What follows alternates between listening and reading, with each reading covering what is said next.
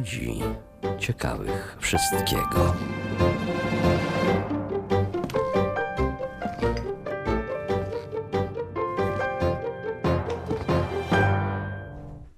Dzień dobry, witam Państwa, Hanna Maria Giza.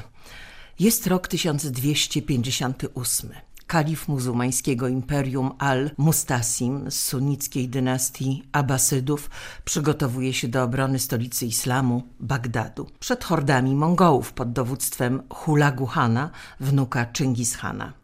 Ma się czego bać. Jego harem liczy 700 kobiet ze wszystkich stron świata, 300 eunuchów, posiada piękny pałac, niezwykłe ogrody i nieprzebrane bogactwa, wśród których znajduje się tajemnicza skrzynia owinięta w białe płótno. Jej dotknięcie spowodowało śmierć niejednego śmiałka. Równolegle toczy się pełne przygód współczesne życie, w którym ojciec i córka, Alex i Nicole, w księżycowych ciasteczkach znajdują stary chiński pergamin. Są przekonani, że tajemniczy zwój wskazuje drogę do grobowca Chingis Hana. Nie mają pojęcia, że wpadli na trop skarbów zaginionych ponad 800 lat temu. Za wszelką cenę, z narażeniem życia starają się poznać prawdę. Całkiem nieźle, prawda? Jak na literacki debiut finansisty. Naszym gościem jest pan Czesław Szarycz, geofizyk, poszukiwał minerałów i ropy w Australii. W Sydney pracował przez kilka lat nad budową systemów dowodzenia australijskich łodzi podwodnych i samolotu wojskowego F-18 finansista, konsultant bankowości, senior, wiceprezydent jednego z międzynarodowych banków w Singapurze, zafascynowany starożytnymi kulturami świata, autor książki Strażnicy Marka Polo. Książka ukazała się nakładem wydawnictwa Arkady. I właśnie ta książka sprowokowała nasze dzisiejsze spotkanie. Ale dzisiaj nie mogą Państwo do nas niestety zadzwonić, ponieważ audycja została nagrana podczas krótkiego pobytu pana Czesława Szarycza w Polsce. Wydawcą Klubu Ludzi Ciekawych Wszystkiego jest Krzysztof Jakubowski. Geofizyk, finansista, a tu nagle budowa systemów dowodzenia australijskich łodzi podwodnych, samolotu wojskowego F-18. Tak.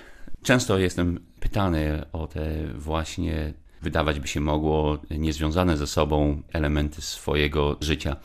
Wyjeżdżając jako dziewiętnastolatek z Polski, miałem możliwość zaadoptowania się w sfery australijskie.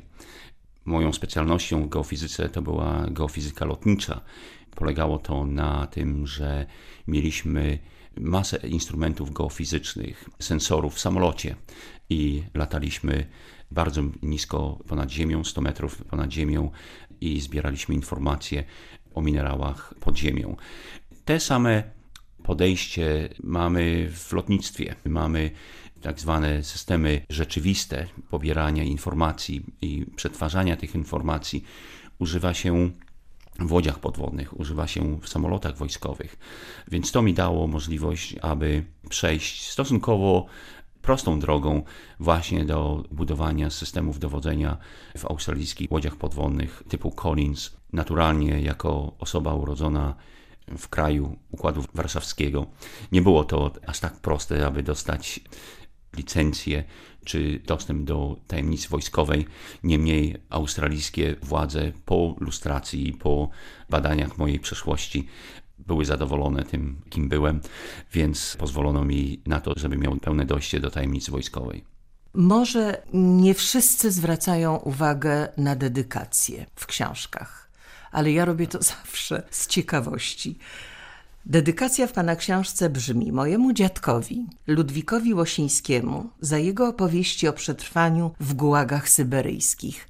To wzruszająca dedykacja, ale proszę wyjaśnić, dlaczego sowieckie gułagi skojarzył pan z wyprawą Marco Polo? Marco Polo, mając 19 lat, wyjechał z Wenecji razem ze swoim ojcem i wujem. To była wyprawa przetrwania. Zajęło im trzy lata, żeby dotrzeć do stolicy państwa środka. To jest jeden wątek.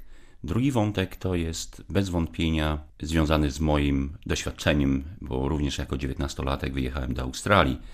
Nie znając języka, też również musiałem w jakiś sposób zasymilować się i przetrwać najtrudniejsze momenty emigracyjne. A Właśnie mój dziadek był osobą o niezmiernym optymizmie, ogromnej twórczości, o ogromnych umiejętnościach. I sile właśnie, ducha. I sile ducha, aby nie dać za wygraną. Miał wielką determinację i opowieści, które słyszałem, które mi opowiadał, bardzo głęboko utkwiły w mojej duszy. I w jaki sposób może właśnie związane są z tą powieścią, ponieważ opowiadam o niezwykłej historii, która dotyczy każdego z nas. Więc ta dedykacja jest na pewno z mojego punktu widzenia bardzo istotną łącznością z tym, co się dzieje w książce. Proszę powiedzieć, jak to się stało, że człowiek tak zajęty jak pan postanowił napisać powieść dotyczącą i odległej historii, i współczesności. Co było impulsem do podjęcia tego zadania? Osiem lat temu przyniosłem się do Singapuru, gdzie pracowałem w banku na pozycji starszego wiceprezydenta. Spędzając 7 lat w Singapurze, naturalnie zacząłem poznawać kulturę chińską. I to nie tylko kulturę tą chińską z miasteczek z Chinatown, ale faktycznie filozofię kultury chińskiej, związaną z konfucjuizmem, związaną z taoizmem, związaną z buddyzmem. Zwłaszcza te trzy elementy tworzą jak gdyby spójność mentalności chińskiej. I tym samym poznawałem kulturę chińską, która jest fascynująca, która zaczyna się w okresie piramid egipskich i ma ciągłość do naszych nowożytnych czasów. Czytając i poznawając tą kulturę, natrafiłem właśnie na osobę, która mnie zafascynowała. To była kobieta. Kobieta, która żyła właśnie w XIII wieku. To była kobieta, która była matką wielkich Hanów, takich jak Kublai, takich jak Hulagu. To była Sokretani Becky. Niezwykle ciekawą rzeczą w jej postaci to było to, że ona była chrześcijanką. Matka Hugalu Hana, który zdobył Bagdad, o którym mówiłam na początku. Właśnie tak. Była chrześcijanką. Tak. Więc e, niektóre plemiona Federacji Mongolskiej przyjęły chrześcijaństwo w IX wieku, o którym 10 lat temu nie wiedziałem. Właśnie wertując e, różnego rodzaju źródła, poznałem to i zafascynowałem się, jaką to drogą chrześcijaństwo trafiło do Mongolii. Tropiąc ten właśnie wątek, natrafiłem na niesamowite źródło informacji, które zafascynowało mnie i mam nadzieję, że będzie fascynowało czytelnika, jak będzie czytał tą powieść. Jakie to było źródło informacji? Różnego rodzaju. Najciekawszym to była sekretna księga Mongołów, która opisywała właśnie życie Dżingis Hana od momentu urodzin do momentu, jak stał się potężnym Hanem. Źródła były różnorodne. Nie było jednej czy dwóch pozycji, która była zdolna opisać głębie osoby Sokrytani. Więc krok po kroku zacząłem zdobywać te informacje i wyglądało to, jak gdybym miał do czynienia z poszczególnymi puclami w wielkiej układance. Ciężko było mi tak naprawdę zorientować się, jak te pucle się ułożą. Nie miałem w ogóle pierwozwrotu, tak, obrazka, który żeby, żeby to ułożyć. całość. I nie było to moim celem. Tak naprawdę to zbierałem informacje z samej ciekawości. Wtedy jeszcze nie zamierzałem pisać książki. Muszę przyznać się z wielkim ryzykiem, że ten obraz faktycznie przyśnił mi się. O, to ciekawe. Leciałem samolotem z Sydney do Singapuru, gdzie zadrzemałem. Nie wiem, jak długa była to drzemka 10, 15, pół godziny. Po obudzeniu się miałem krystalicznie czysty obraz. Właśnie rdzenia tej opowieści. Po obudzeniu się miałem wypieki. Moje serce szybciej pulsowało i zdałem sobie sprawę z unikalności tej historii, więc ta książka musiała być, czy ta historia musiała być napisana właśnie w takiej opowieści. A więc na początku była kobieta. Może jeszcze warto dodać, matka Kubiłaja, Sorka Ktani, była chrześcijanką wyznania nestoriańskiego. Tak. Pochodzącą z plemienia Kereitów. Jej ojciec Wang Han również był chrześcijaninem. Adoptował Chingis Hana i uczynił go swoim przybranym synem. Tak. Sorkaktani została żoną najmłodszego z synów Czengishana, Tołuja. Wszyscy synowie Czengishana poślubili chrześcijańskie księżniczki z plemienia Kereitów, które w dodatku nawet nie było mongolskim szczepem, tylko należało do tureckiej grupy etnicznej. Synowie Sorkaktani to Monke, Kubiłaj, który został cesarzem Chin, Hulagu, który zdobył Bagdad, o którym mówiliśmy, i Aryk. Proszę pana, skąd chrześcijanie w mongolskiej dynastii i z jakiego powodu zdobyli tak wysoką pozycję, że ich sugestie stawały się decyzjami? No więc chyba warto tutaj zastanowić się, w jaki sposób Nestorianie trafili do Mongolii. Nestorianie to odszczep od głównego nurtu chrześcijańskiego z III-IV wieku. Nie zostali zaakceptowani, odrzuceni od chrześcijan po soborze w Nicei, który zainicjował cesarz Konstantyn Wielki. Przesunęli się na wschód. Tam mieli możliwości ekspansji, mieli możliwości nawracania pogan czy niechrześcijan. Szli coraz bardziej na wschód i w momencie, kiedy Mohamed wyszedł z inicjatywą stworzenia islamu i ekspansja islamska właśnie przecięła te więzy czy kontakt między Nestorianami a głównym nurtem chrześcijańskim. Więc Nestorianie cały czas parli na wschód. Wręcz podejrzewa się, że trafili do południowych Chin, trafili do Indii. Niemniej ta grupa, która poszła północą, trafiła w IX wieku na szczepy Federacji Mongolskiej. I faktycznie pani redaktor ma rację, Keritanie, tak samo jak Tatarzy, nie są czystym plemionem mongolskim, tylko są Mają w korzenie korzenie tureckie. tureckie. To jest fascynujące, że te koczownicze plemiona tych fantastycznych wojowników, ale bezwzględnych wojowników mongolskich przyjęły taką religię jak chrześcijaństwo. Tak, Religię pokory, religię wybaczania, tak. I gdyby... tolerancji. Absolutnie. I chyba gdyby nie Dżingis Khan, kto wie, czy nie wszystkie plemiona Federacji Mongolskiej nie przyjęłyby chrześcijaństwa.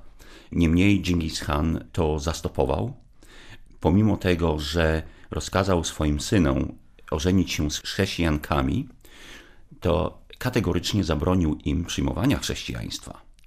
Więc akceptował pełną wolność religijną w swoim cesarstwie czy w swoim państwie, natomiast dla swoich najbliższych, dla następców tronu, przymusowo te osoby musiały stać przy szamanizmie.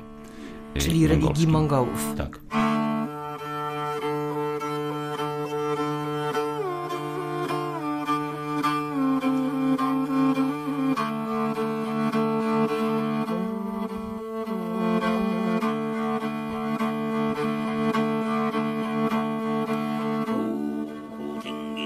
Szamanizm to zespół praktyk i wierzeń opierających pojmowanie relacji świata namacalnego do świata duchowego na fundamentalnej roli szamana, czyli osoby posiadającej zdolność do podróży ekstatycznych w zaświaty dla dobra swojej wspólnoty bądź jej poszczególnych członków. Słowo szaman być może pochodzi z języka wschodniosyberyjskich Ewenków, ponieważ szamanizm stanowił fundamentalny czynnik życia religijnego w społecznościach plemiennych Syberii i Środkowej Azji. Ale ślady szamanizmu obecne są bardziej lub mniej w religiach tradycyjnych na wszystkich kontynentach świata a to może świadczyć o archaicznym pochodzeniu tych wierzeń opartych na dwóch rzeczywistościach namacalnej i duchowej oraz na trzech piętrach organizacji świata duchowym świecie dolnym, ziemskim świecie środkowym i niebieskim świecie duchowym, czyli świecie górnym. Z tym podziałem związana jest także idea drzewa kosmicznego, które łączy ze sobą wszystkie trzy światy.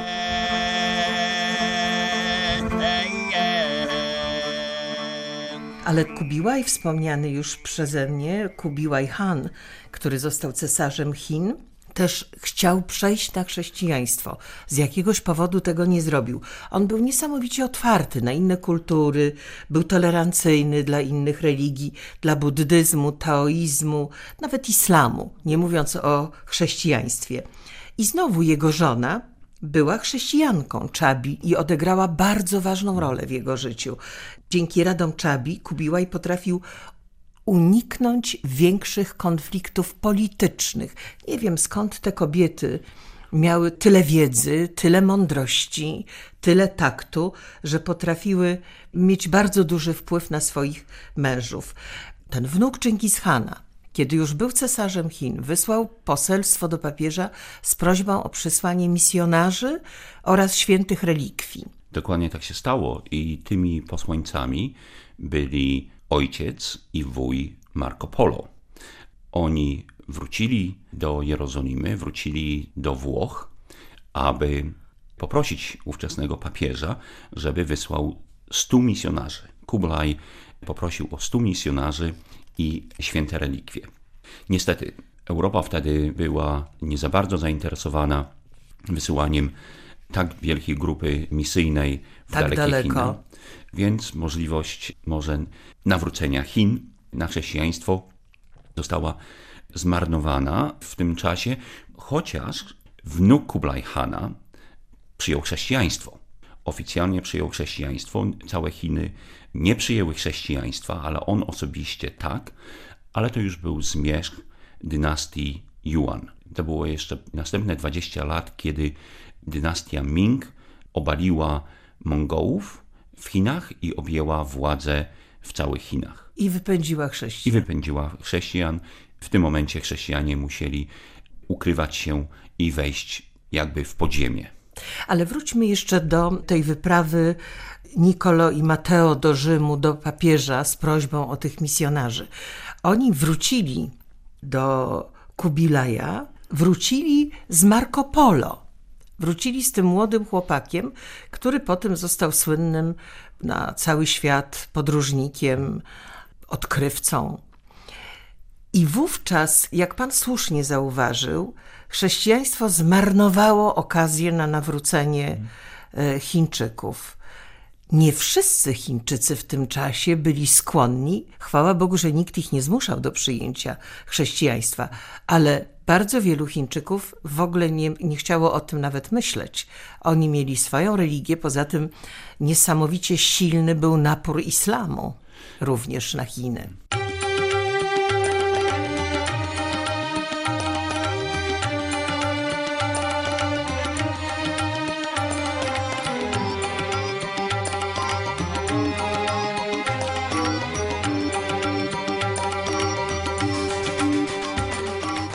Islam przywędrował do Chin już w VII wieku, najprawdopodobniej za sprawą arabskich i perskich kupców, którzy zaszczepili własną religię w państwie środka, gdzie wkrótce stał się jedną z oficjalnych religii. Początkowo była to niszowa grupa wyznaniowa, utożsamiana jednak ze środowiskiem ówczesnych elit społecznych. Muzułmanie cieszyli się dużym uznaniem, głównie ze względu na wysoki status finansowy. Wyjątkowo prężny rozwój islamu w Chinach przyniosło panowanie mongolskiej dynastii Yuan. Islam postrzegano wówczas jako wyznanie sprzyjające rozwojowi gospodarki państwa środka. W związku z tym muzułmanie otrzymali w tym czasie największe przywileje. Wraz z nastaniem dynastii Ming, wprowadzeniem restrykcji wobec małżeństw mieszanych oraz przeniesieniem stolicy z Nankinu do Pekinu, ostatecznie spójność środowiska muzułmańskiego nieco się osłabiła. Doprowadziło to jednak do rozprzestrzenienia islamu na jeszcze szerszy obszar.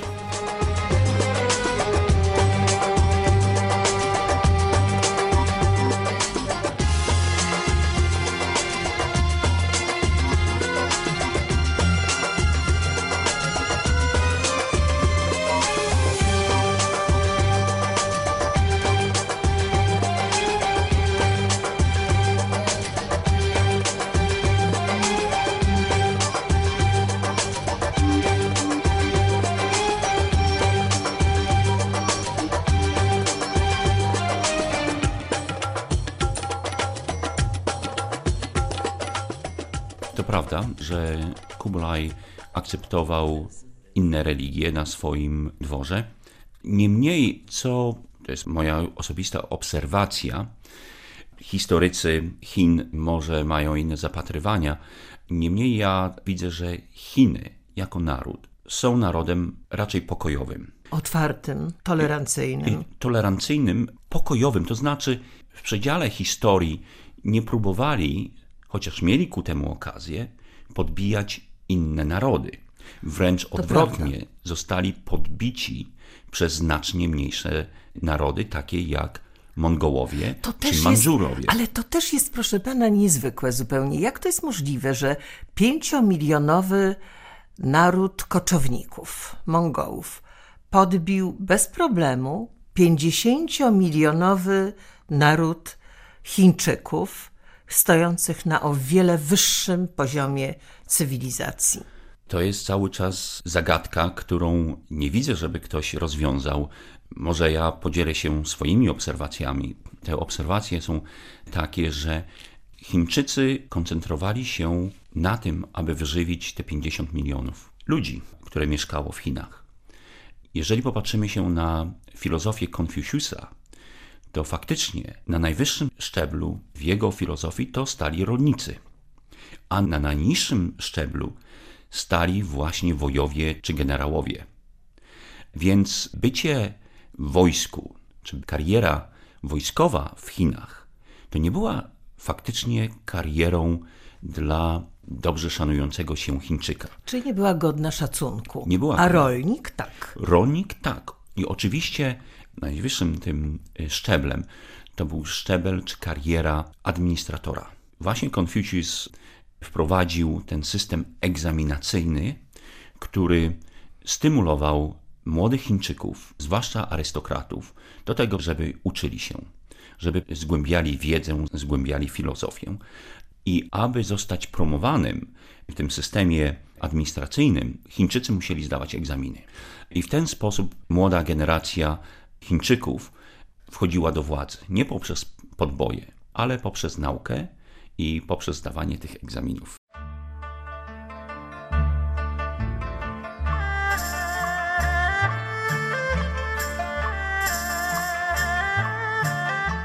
Taoizm był obok konfucjanizmu jednym z dwóch najważniejszych systemów filozoficzno-religijnych w Chinach.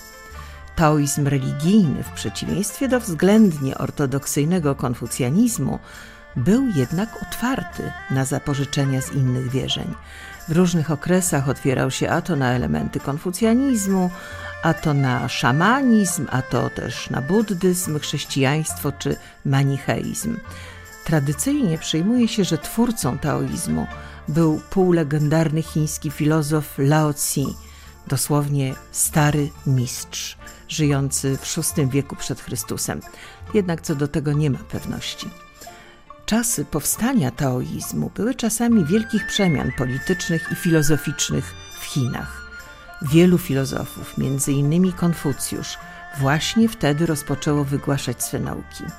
Niektórzy powstanie taoizmu przypisują legistom, filozofom uważającym prawo za największą wartość, promującym bierną postawę wobec świata oraz często określającym życie człowieka mianem Dao, drogi.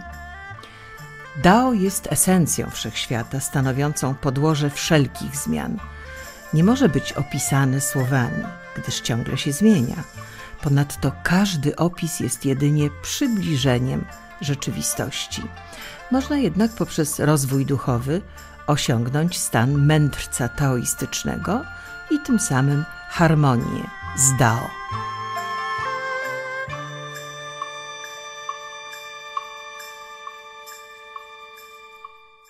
Więc może fakt, że elity chińskie były zaprawiane zdobywaniu wiedzy, a nie poprzez podboje militarne, poprzez kunszt wojskowy, wojenny, spowodowały, że Chiny tak naprawdę nie miały silnej armii, jeżeli chciały prowadzić konflikty na przykład z Wietnamem w tym czasie, to używali właśnie Mongołów. Używali Mongołów jako wojska zaciężne, które walczyły za Chińczyków.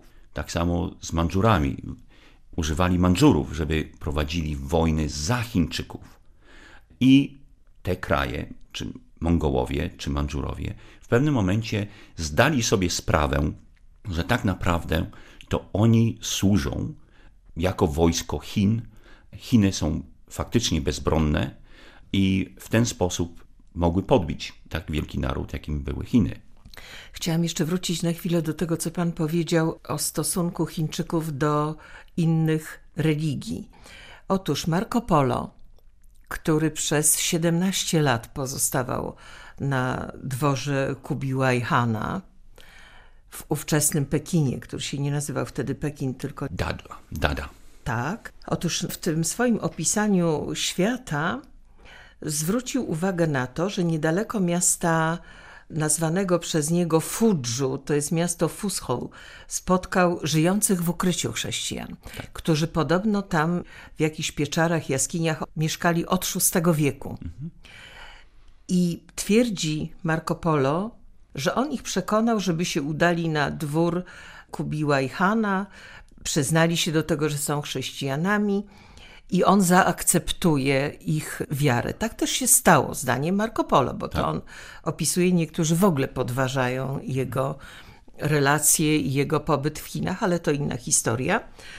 I pozwolił Kubiłaj Han, żeby ci chrześcijanie znaleźli się w jego otoczeniu oraz zabronił buddystom wcielać ich, namawiać, żeby przystąpili do buddyjskiej społeczności. Tak, to było fascynujące, w jaki sposób Marco Polo opisywał spotkanie właśnie z tak dużą grupą ludzi, Ukrywających ukrywających się. I zrobiłem szybkie obliczenie, że ta grupa musiała dochodzić do dwóch milionów. A, On mówił o 500 tysięcy domostw. Więc konserwatywnie tak podchodząc, jeżeli każde domostwo miało po czworo dzieci, a prawdopodobnie miało więcej, więc ta grupa była bardzo liczna, nawet na 50-milionowe Chiny. to gdzież oni mogli się ukrywać? Dwa miliony ludzi. Tak, więc pytaniem tak naprawdę jest, jak to się stało, że ci chrześcijanie tam mieszkali.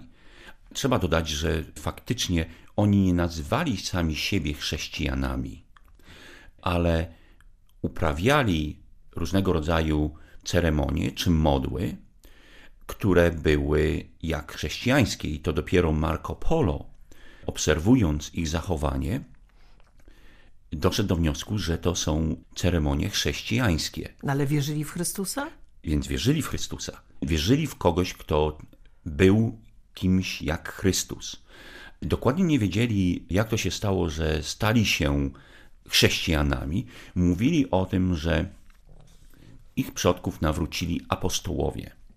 I to opisuje Marco Polo w swojej książce. No to Indii się udał niewierny Tomasz. więc przecież. właśnie jest, właśnie jest taka teoria, że Tomasz wyjechał do Indii, dojechał do Chennai, byłego Madrasu i tam został zabity. Ale musiał stworzyć Wspólnotę. jakąś spo, wspólnotę, jakąś społeczność, która szła dalej na wschód i dotarła do Chin. Ależ sam Marco Polo, to znaczy widać, że ten problem go bardzo interesował i nurtował. Stwierdził, że gdyby Buddha był chrześcijaninem, to byłby bliski Chrystusowi i że z pewnością zostałby świętym. Na pewno nie wykluczam tego, chociaż nie wiem na ile Marco Polo znał buddyzm. Przecież buddyzm neguje Boga osobowego. Boga osobowego. Oczywiście nie mniej, jak najbardziej, jeżeli byśmy popatrzyli się na osobę Buddy i Chrystusa, to widzielibyśmy podobieństwa.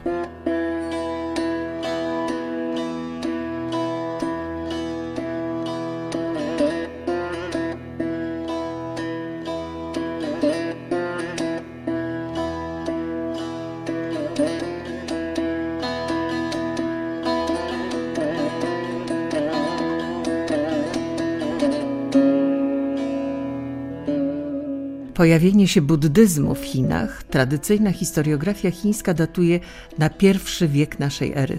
Początkowo zasięg buddyzmu ograniczał się przede wszystkim do stolicy, gdzie traktowano go jako dziwaczną ciekawostkę. Wprawdzie szerokie kontakty z Azją Środkową, które zostały rozbudowane w epoce dynastii Han i były jedną z głównych przyczyn przypływu idei buddyjskich, rozprzestrzeniały się wzdłuż szlaków handlowych, lecz wiara była nadal przede wszystkim zjawiskiem miejskim. Swoje wpływy buddyzm zaczął rozszerzać dopiero po upadku dynastii wschodnich Han, w warunkach istniejącego wówczas chaosu i niepokojów. Przez dłuższy czas uważany był jednak za swoisty wariant taoizmu. Zresztą charakterystyczną cechą wczesnego buddyzmu chińskiego był jego ścisły związek właśnie z taoizmem. Przenikanie buddyzmu do środowisk taoistycznych, interpretowanie buddyjskich pojęć w kategoriach filozofii taoizmu z dwóch postaci buddyzmu, Hinayany i Mahayany, w Chinach ostatecznie zapanowała ta ostatnia. Niektórzy uczeni uważają, że skutki buddyzmu w Chinach można porównać do roli chrześcijaństwa w Europie.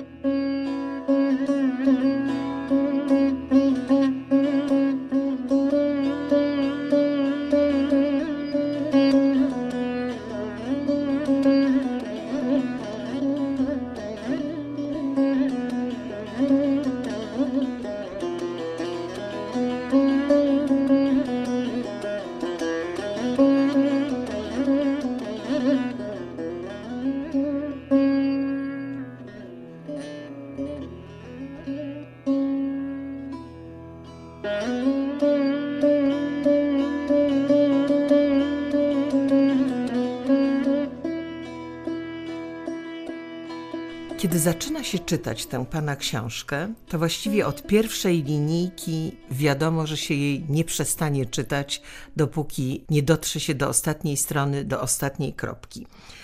Zaczyna pan opowieść o tym, jak Hulagu Khan oblega Bagdad. Bagdad, który za czasów kalifa, wrócimy jeszcze do Marco Polo, jak Bagdad, który za czasów kalifa al-Mustasima był miastem, w którym żyli nie tylko muzułmanie, ale żyli także chrześcijanie, żyli także Żydzi.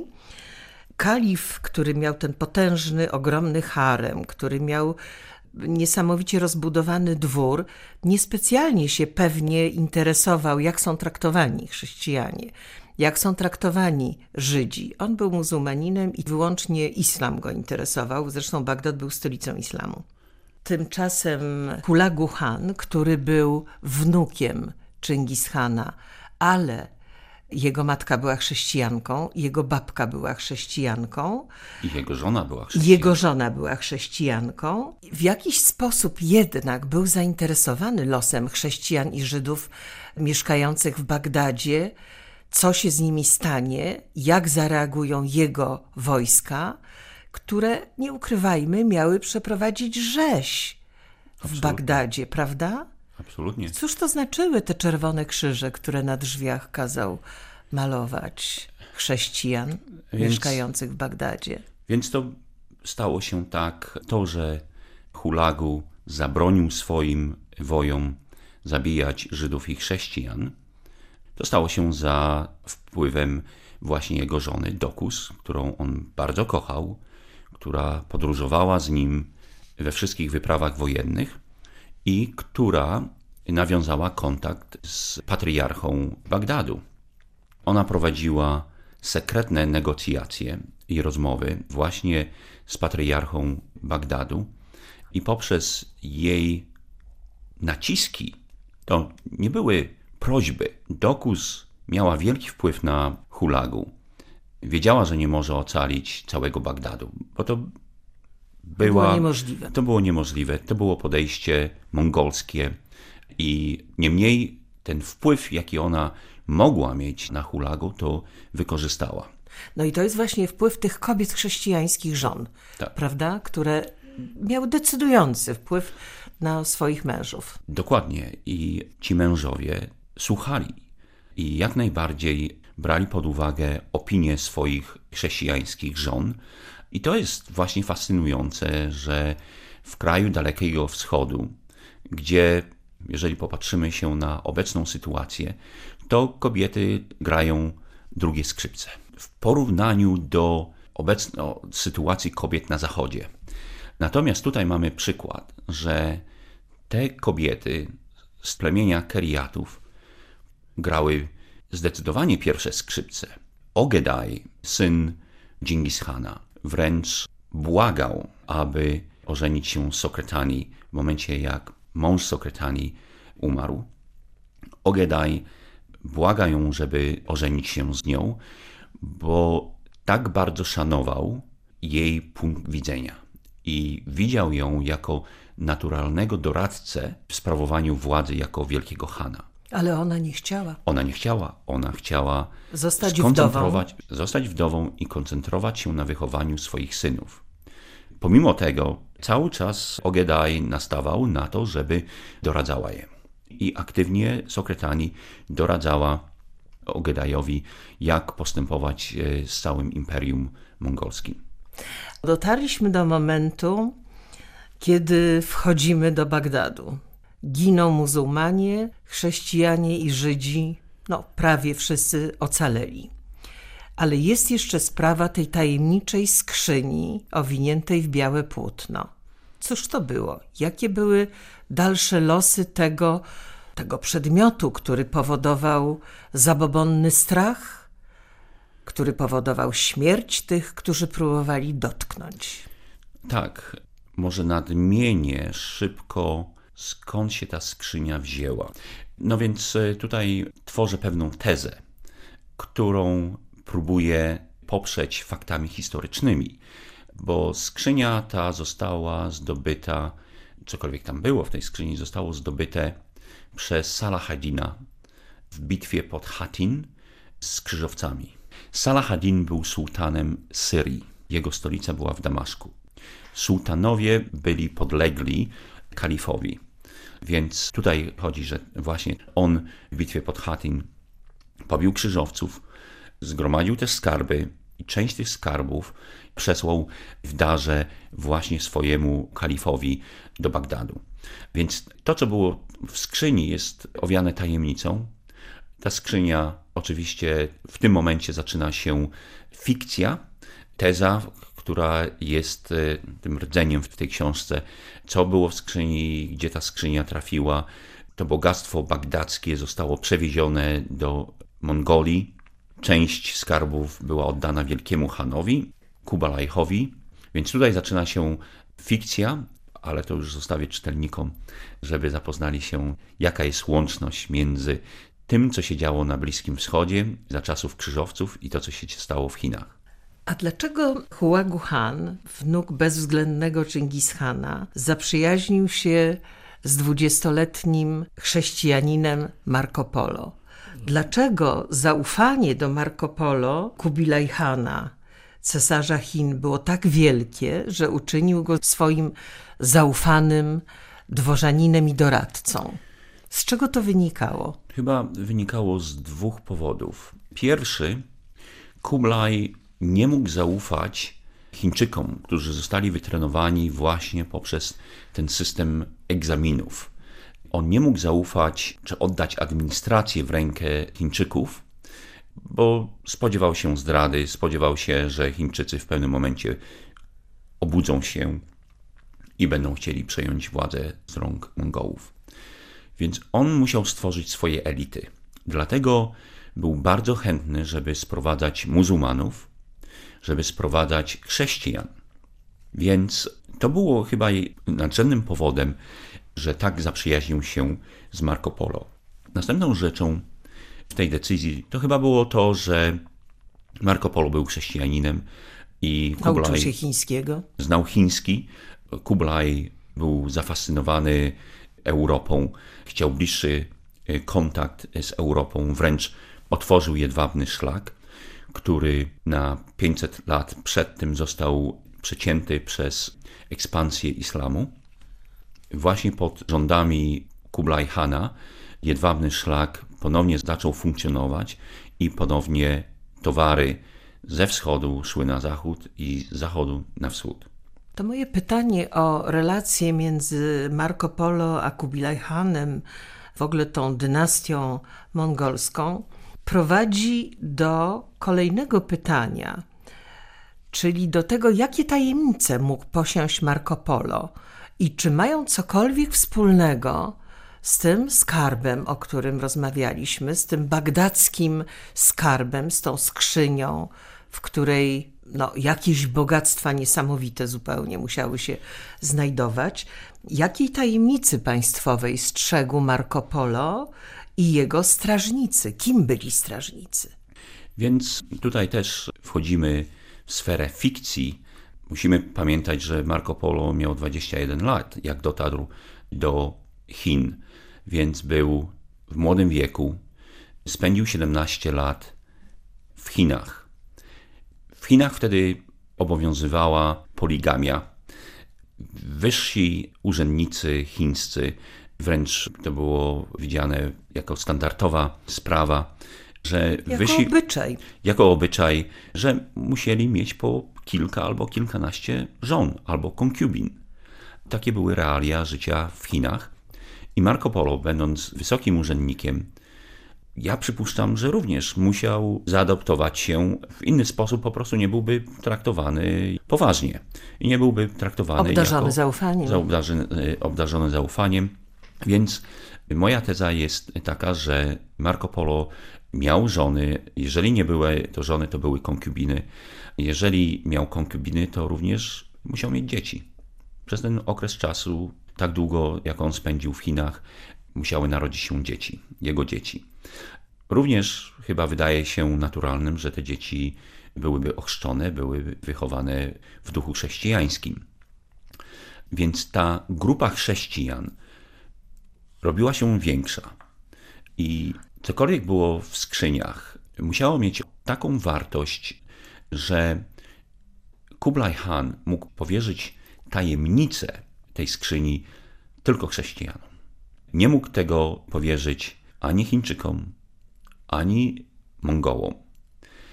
Następna moja teza jest, że skrzynia została ukryta w grobowcu właśnie jego matki, Sokretani.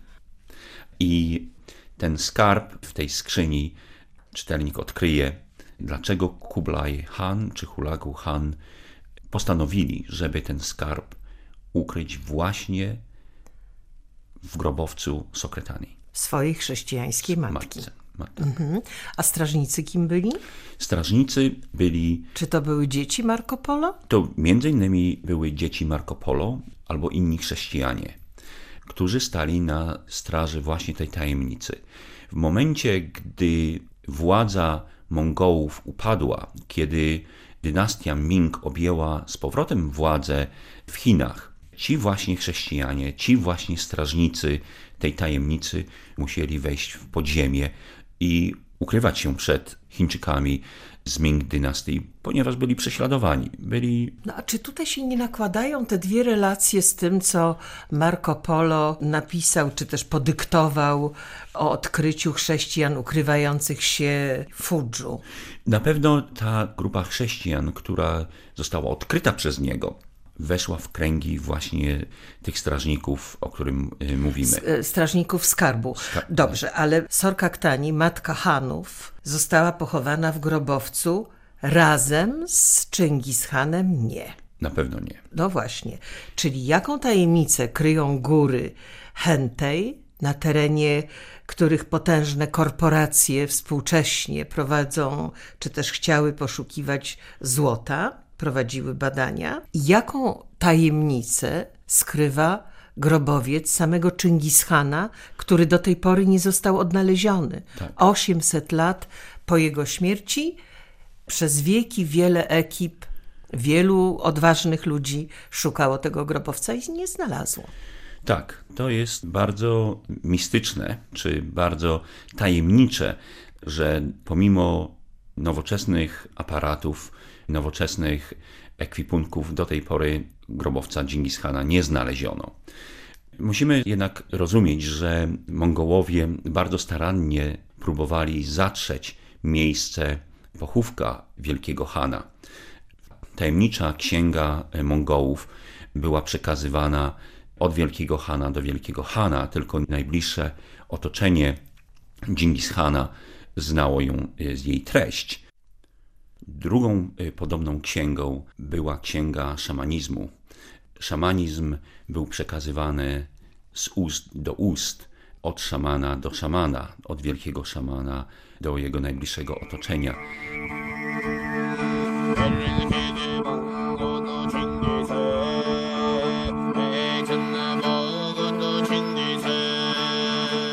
Wiadomo, że Chingis Khan czcił wieczne niebo i uznawał je do pewnego stopnia za tożsame z Bogiem religii monoteistycznych.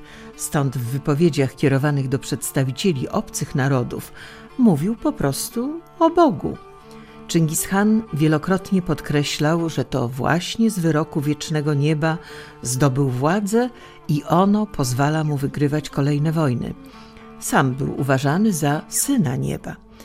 Mniejszą czcią otaczał ziemię jako matkę ziemię. Marco Polo napisał, że Mongołowie do bóstwa niebiańskiego modlą się tylko o swoje zdrowie ducha i ciała, zaś do ziemskiego o trzody, dzieci i zboża. Pewną czcią Chingis Khan otaczał także górę Burhan Haldun, na której w młodości kilkakrotnie chronił się przed wrogami. Uważał jednak, że to miejsce jest szczególne nie samo z siebie, ale z woli wiecznego nieba. W jego państwie panowała tolerancja religijna. Na dworze Hana i wokół niego gromadziło się duchowieństwo wszystkich religii imperium. Ale w przypadku synów Hana, którzy mogli poślubiać chrześcijanki, ograniczona była tolerancja w stosunku do nich samych. Im nie wolno było porzucić religii przodków.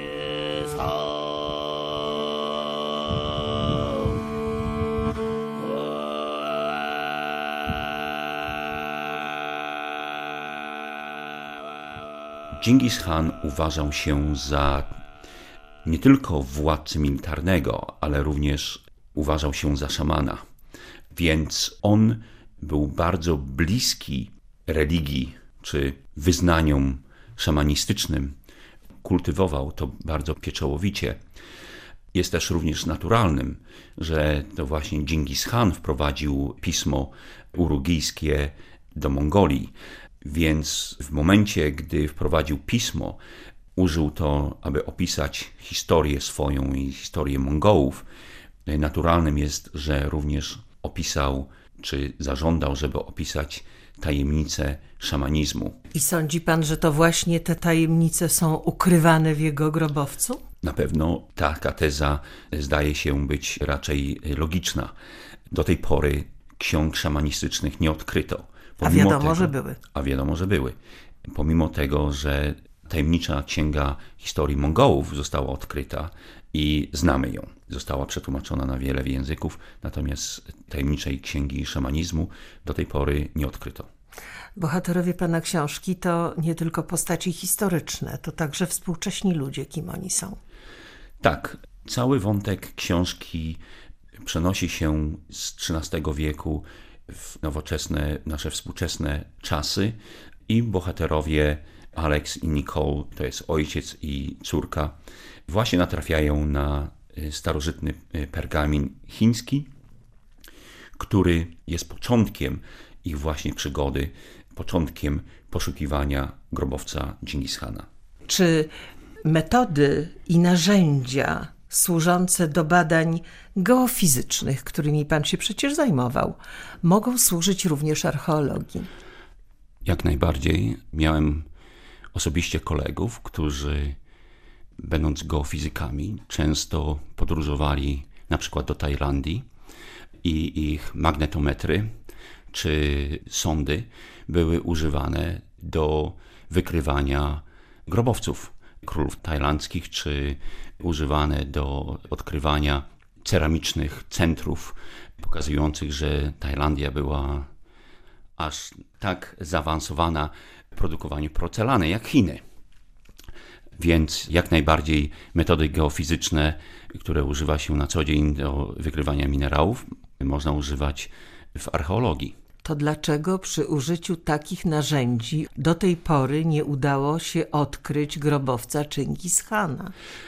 Po części jest to związane z tym, że rząd mongolski tak naprawdę nie chce tego zrobić.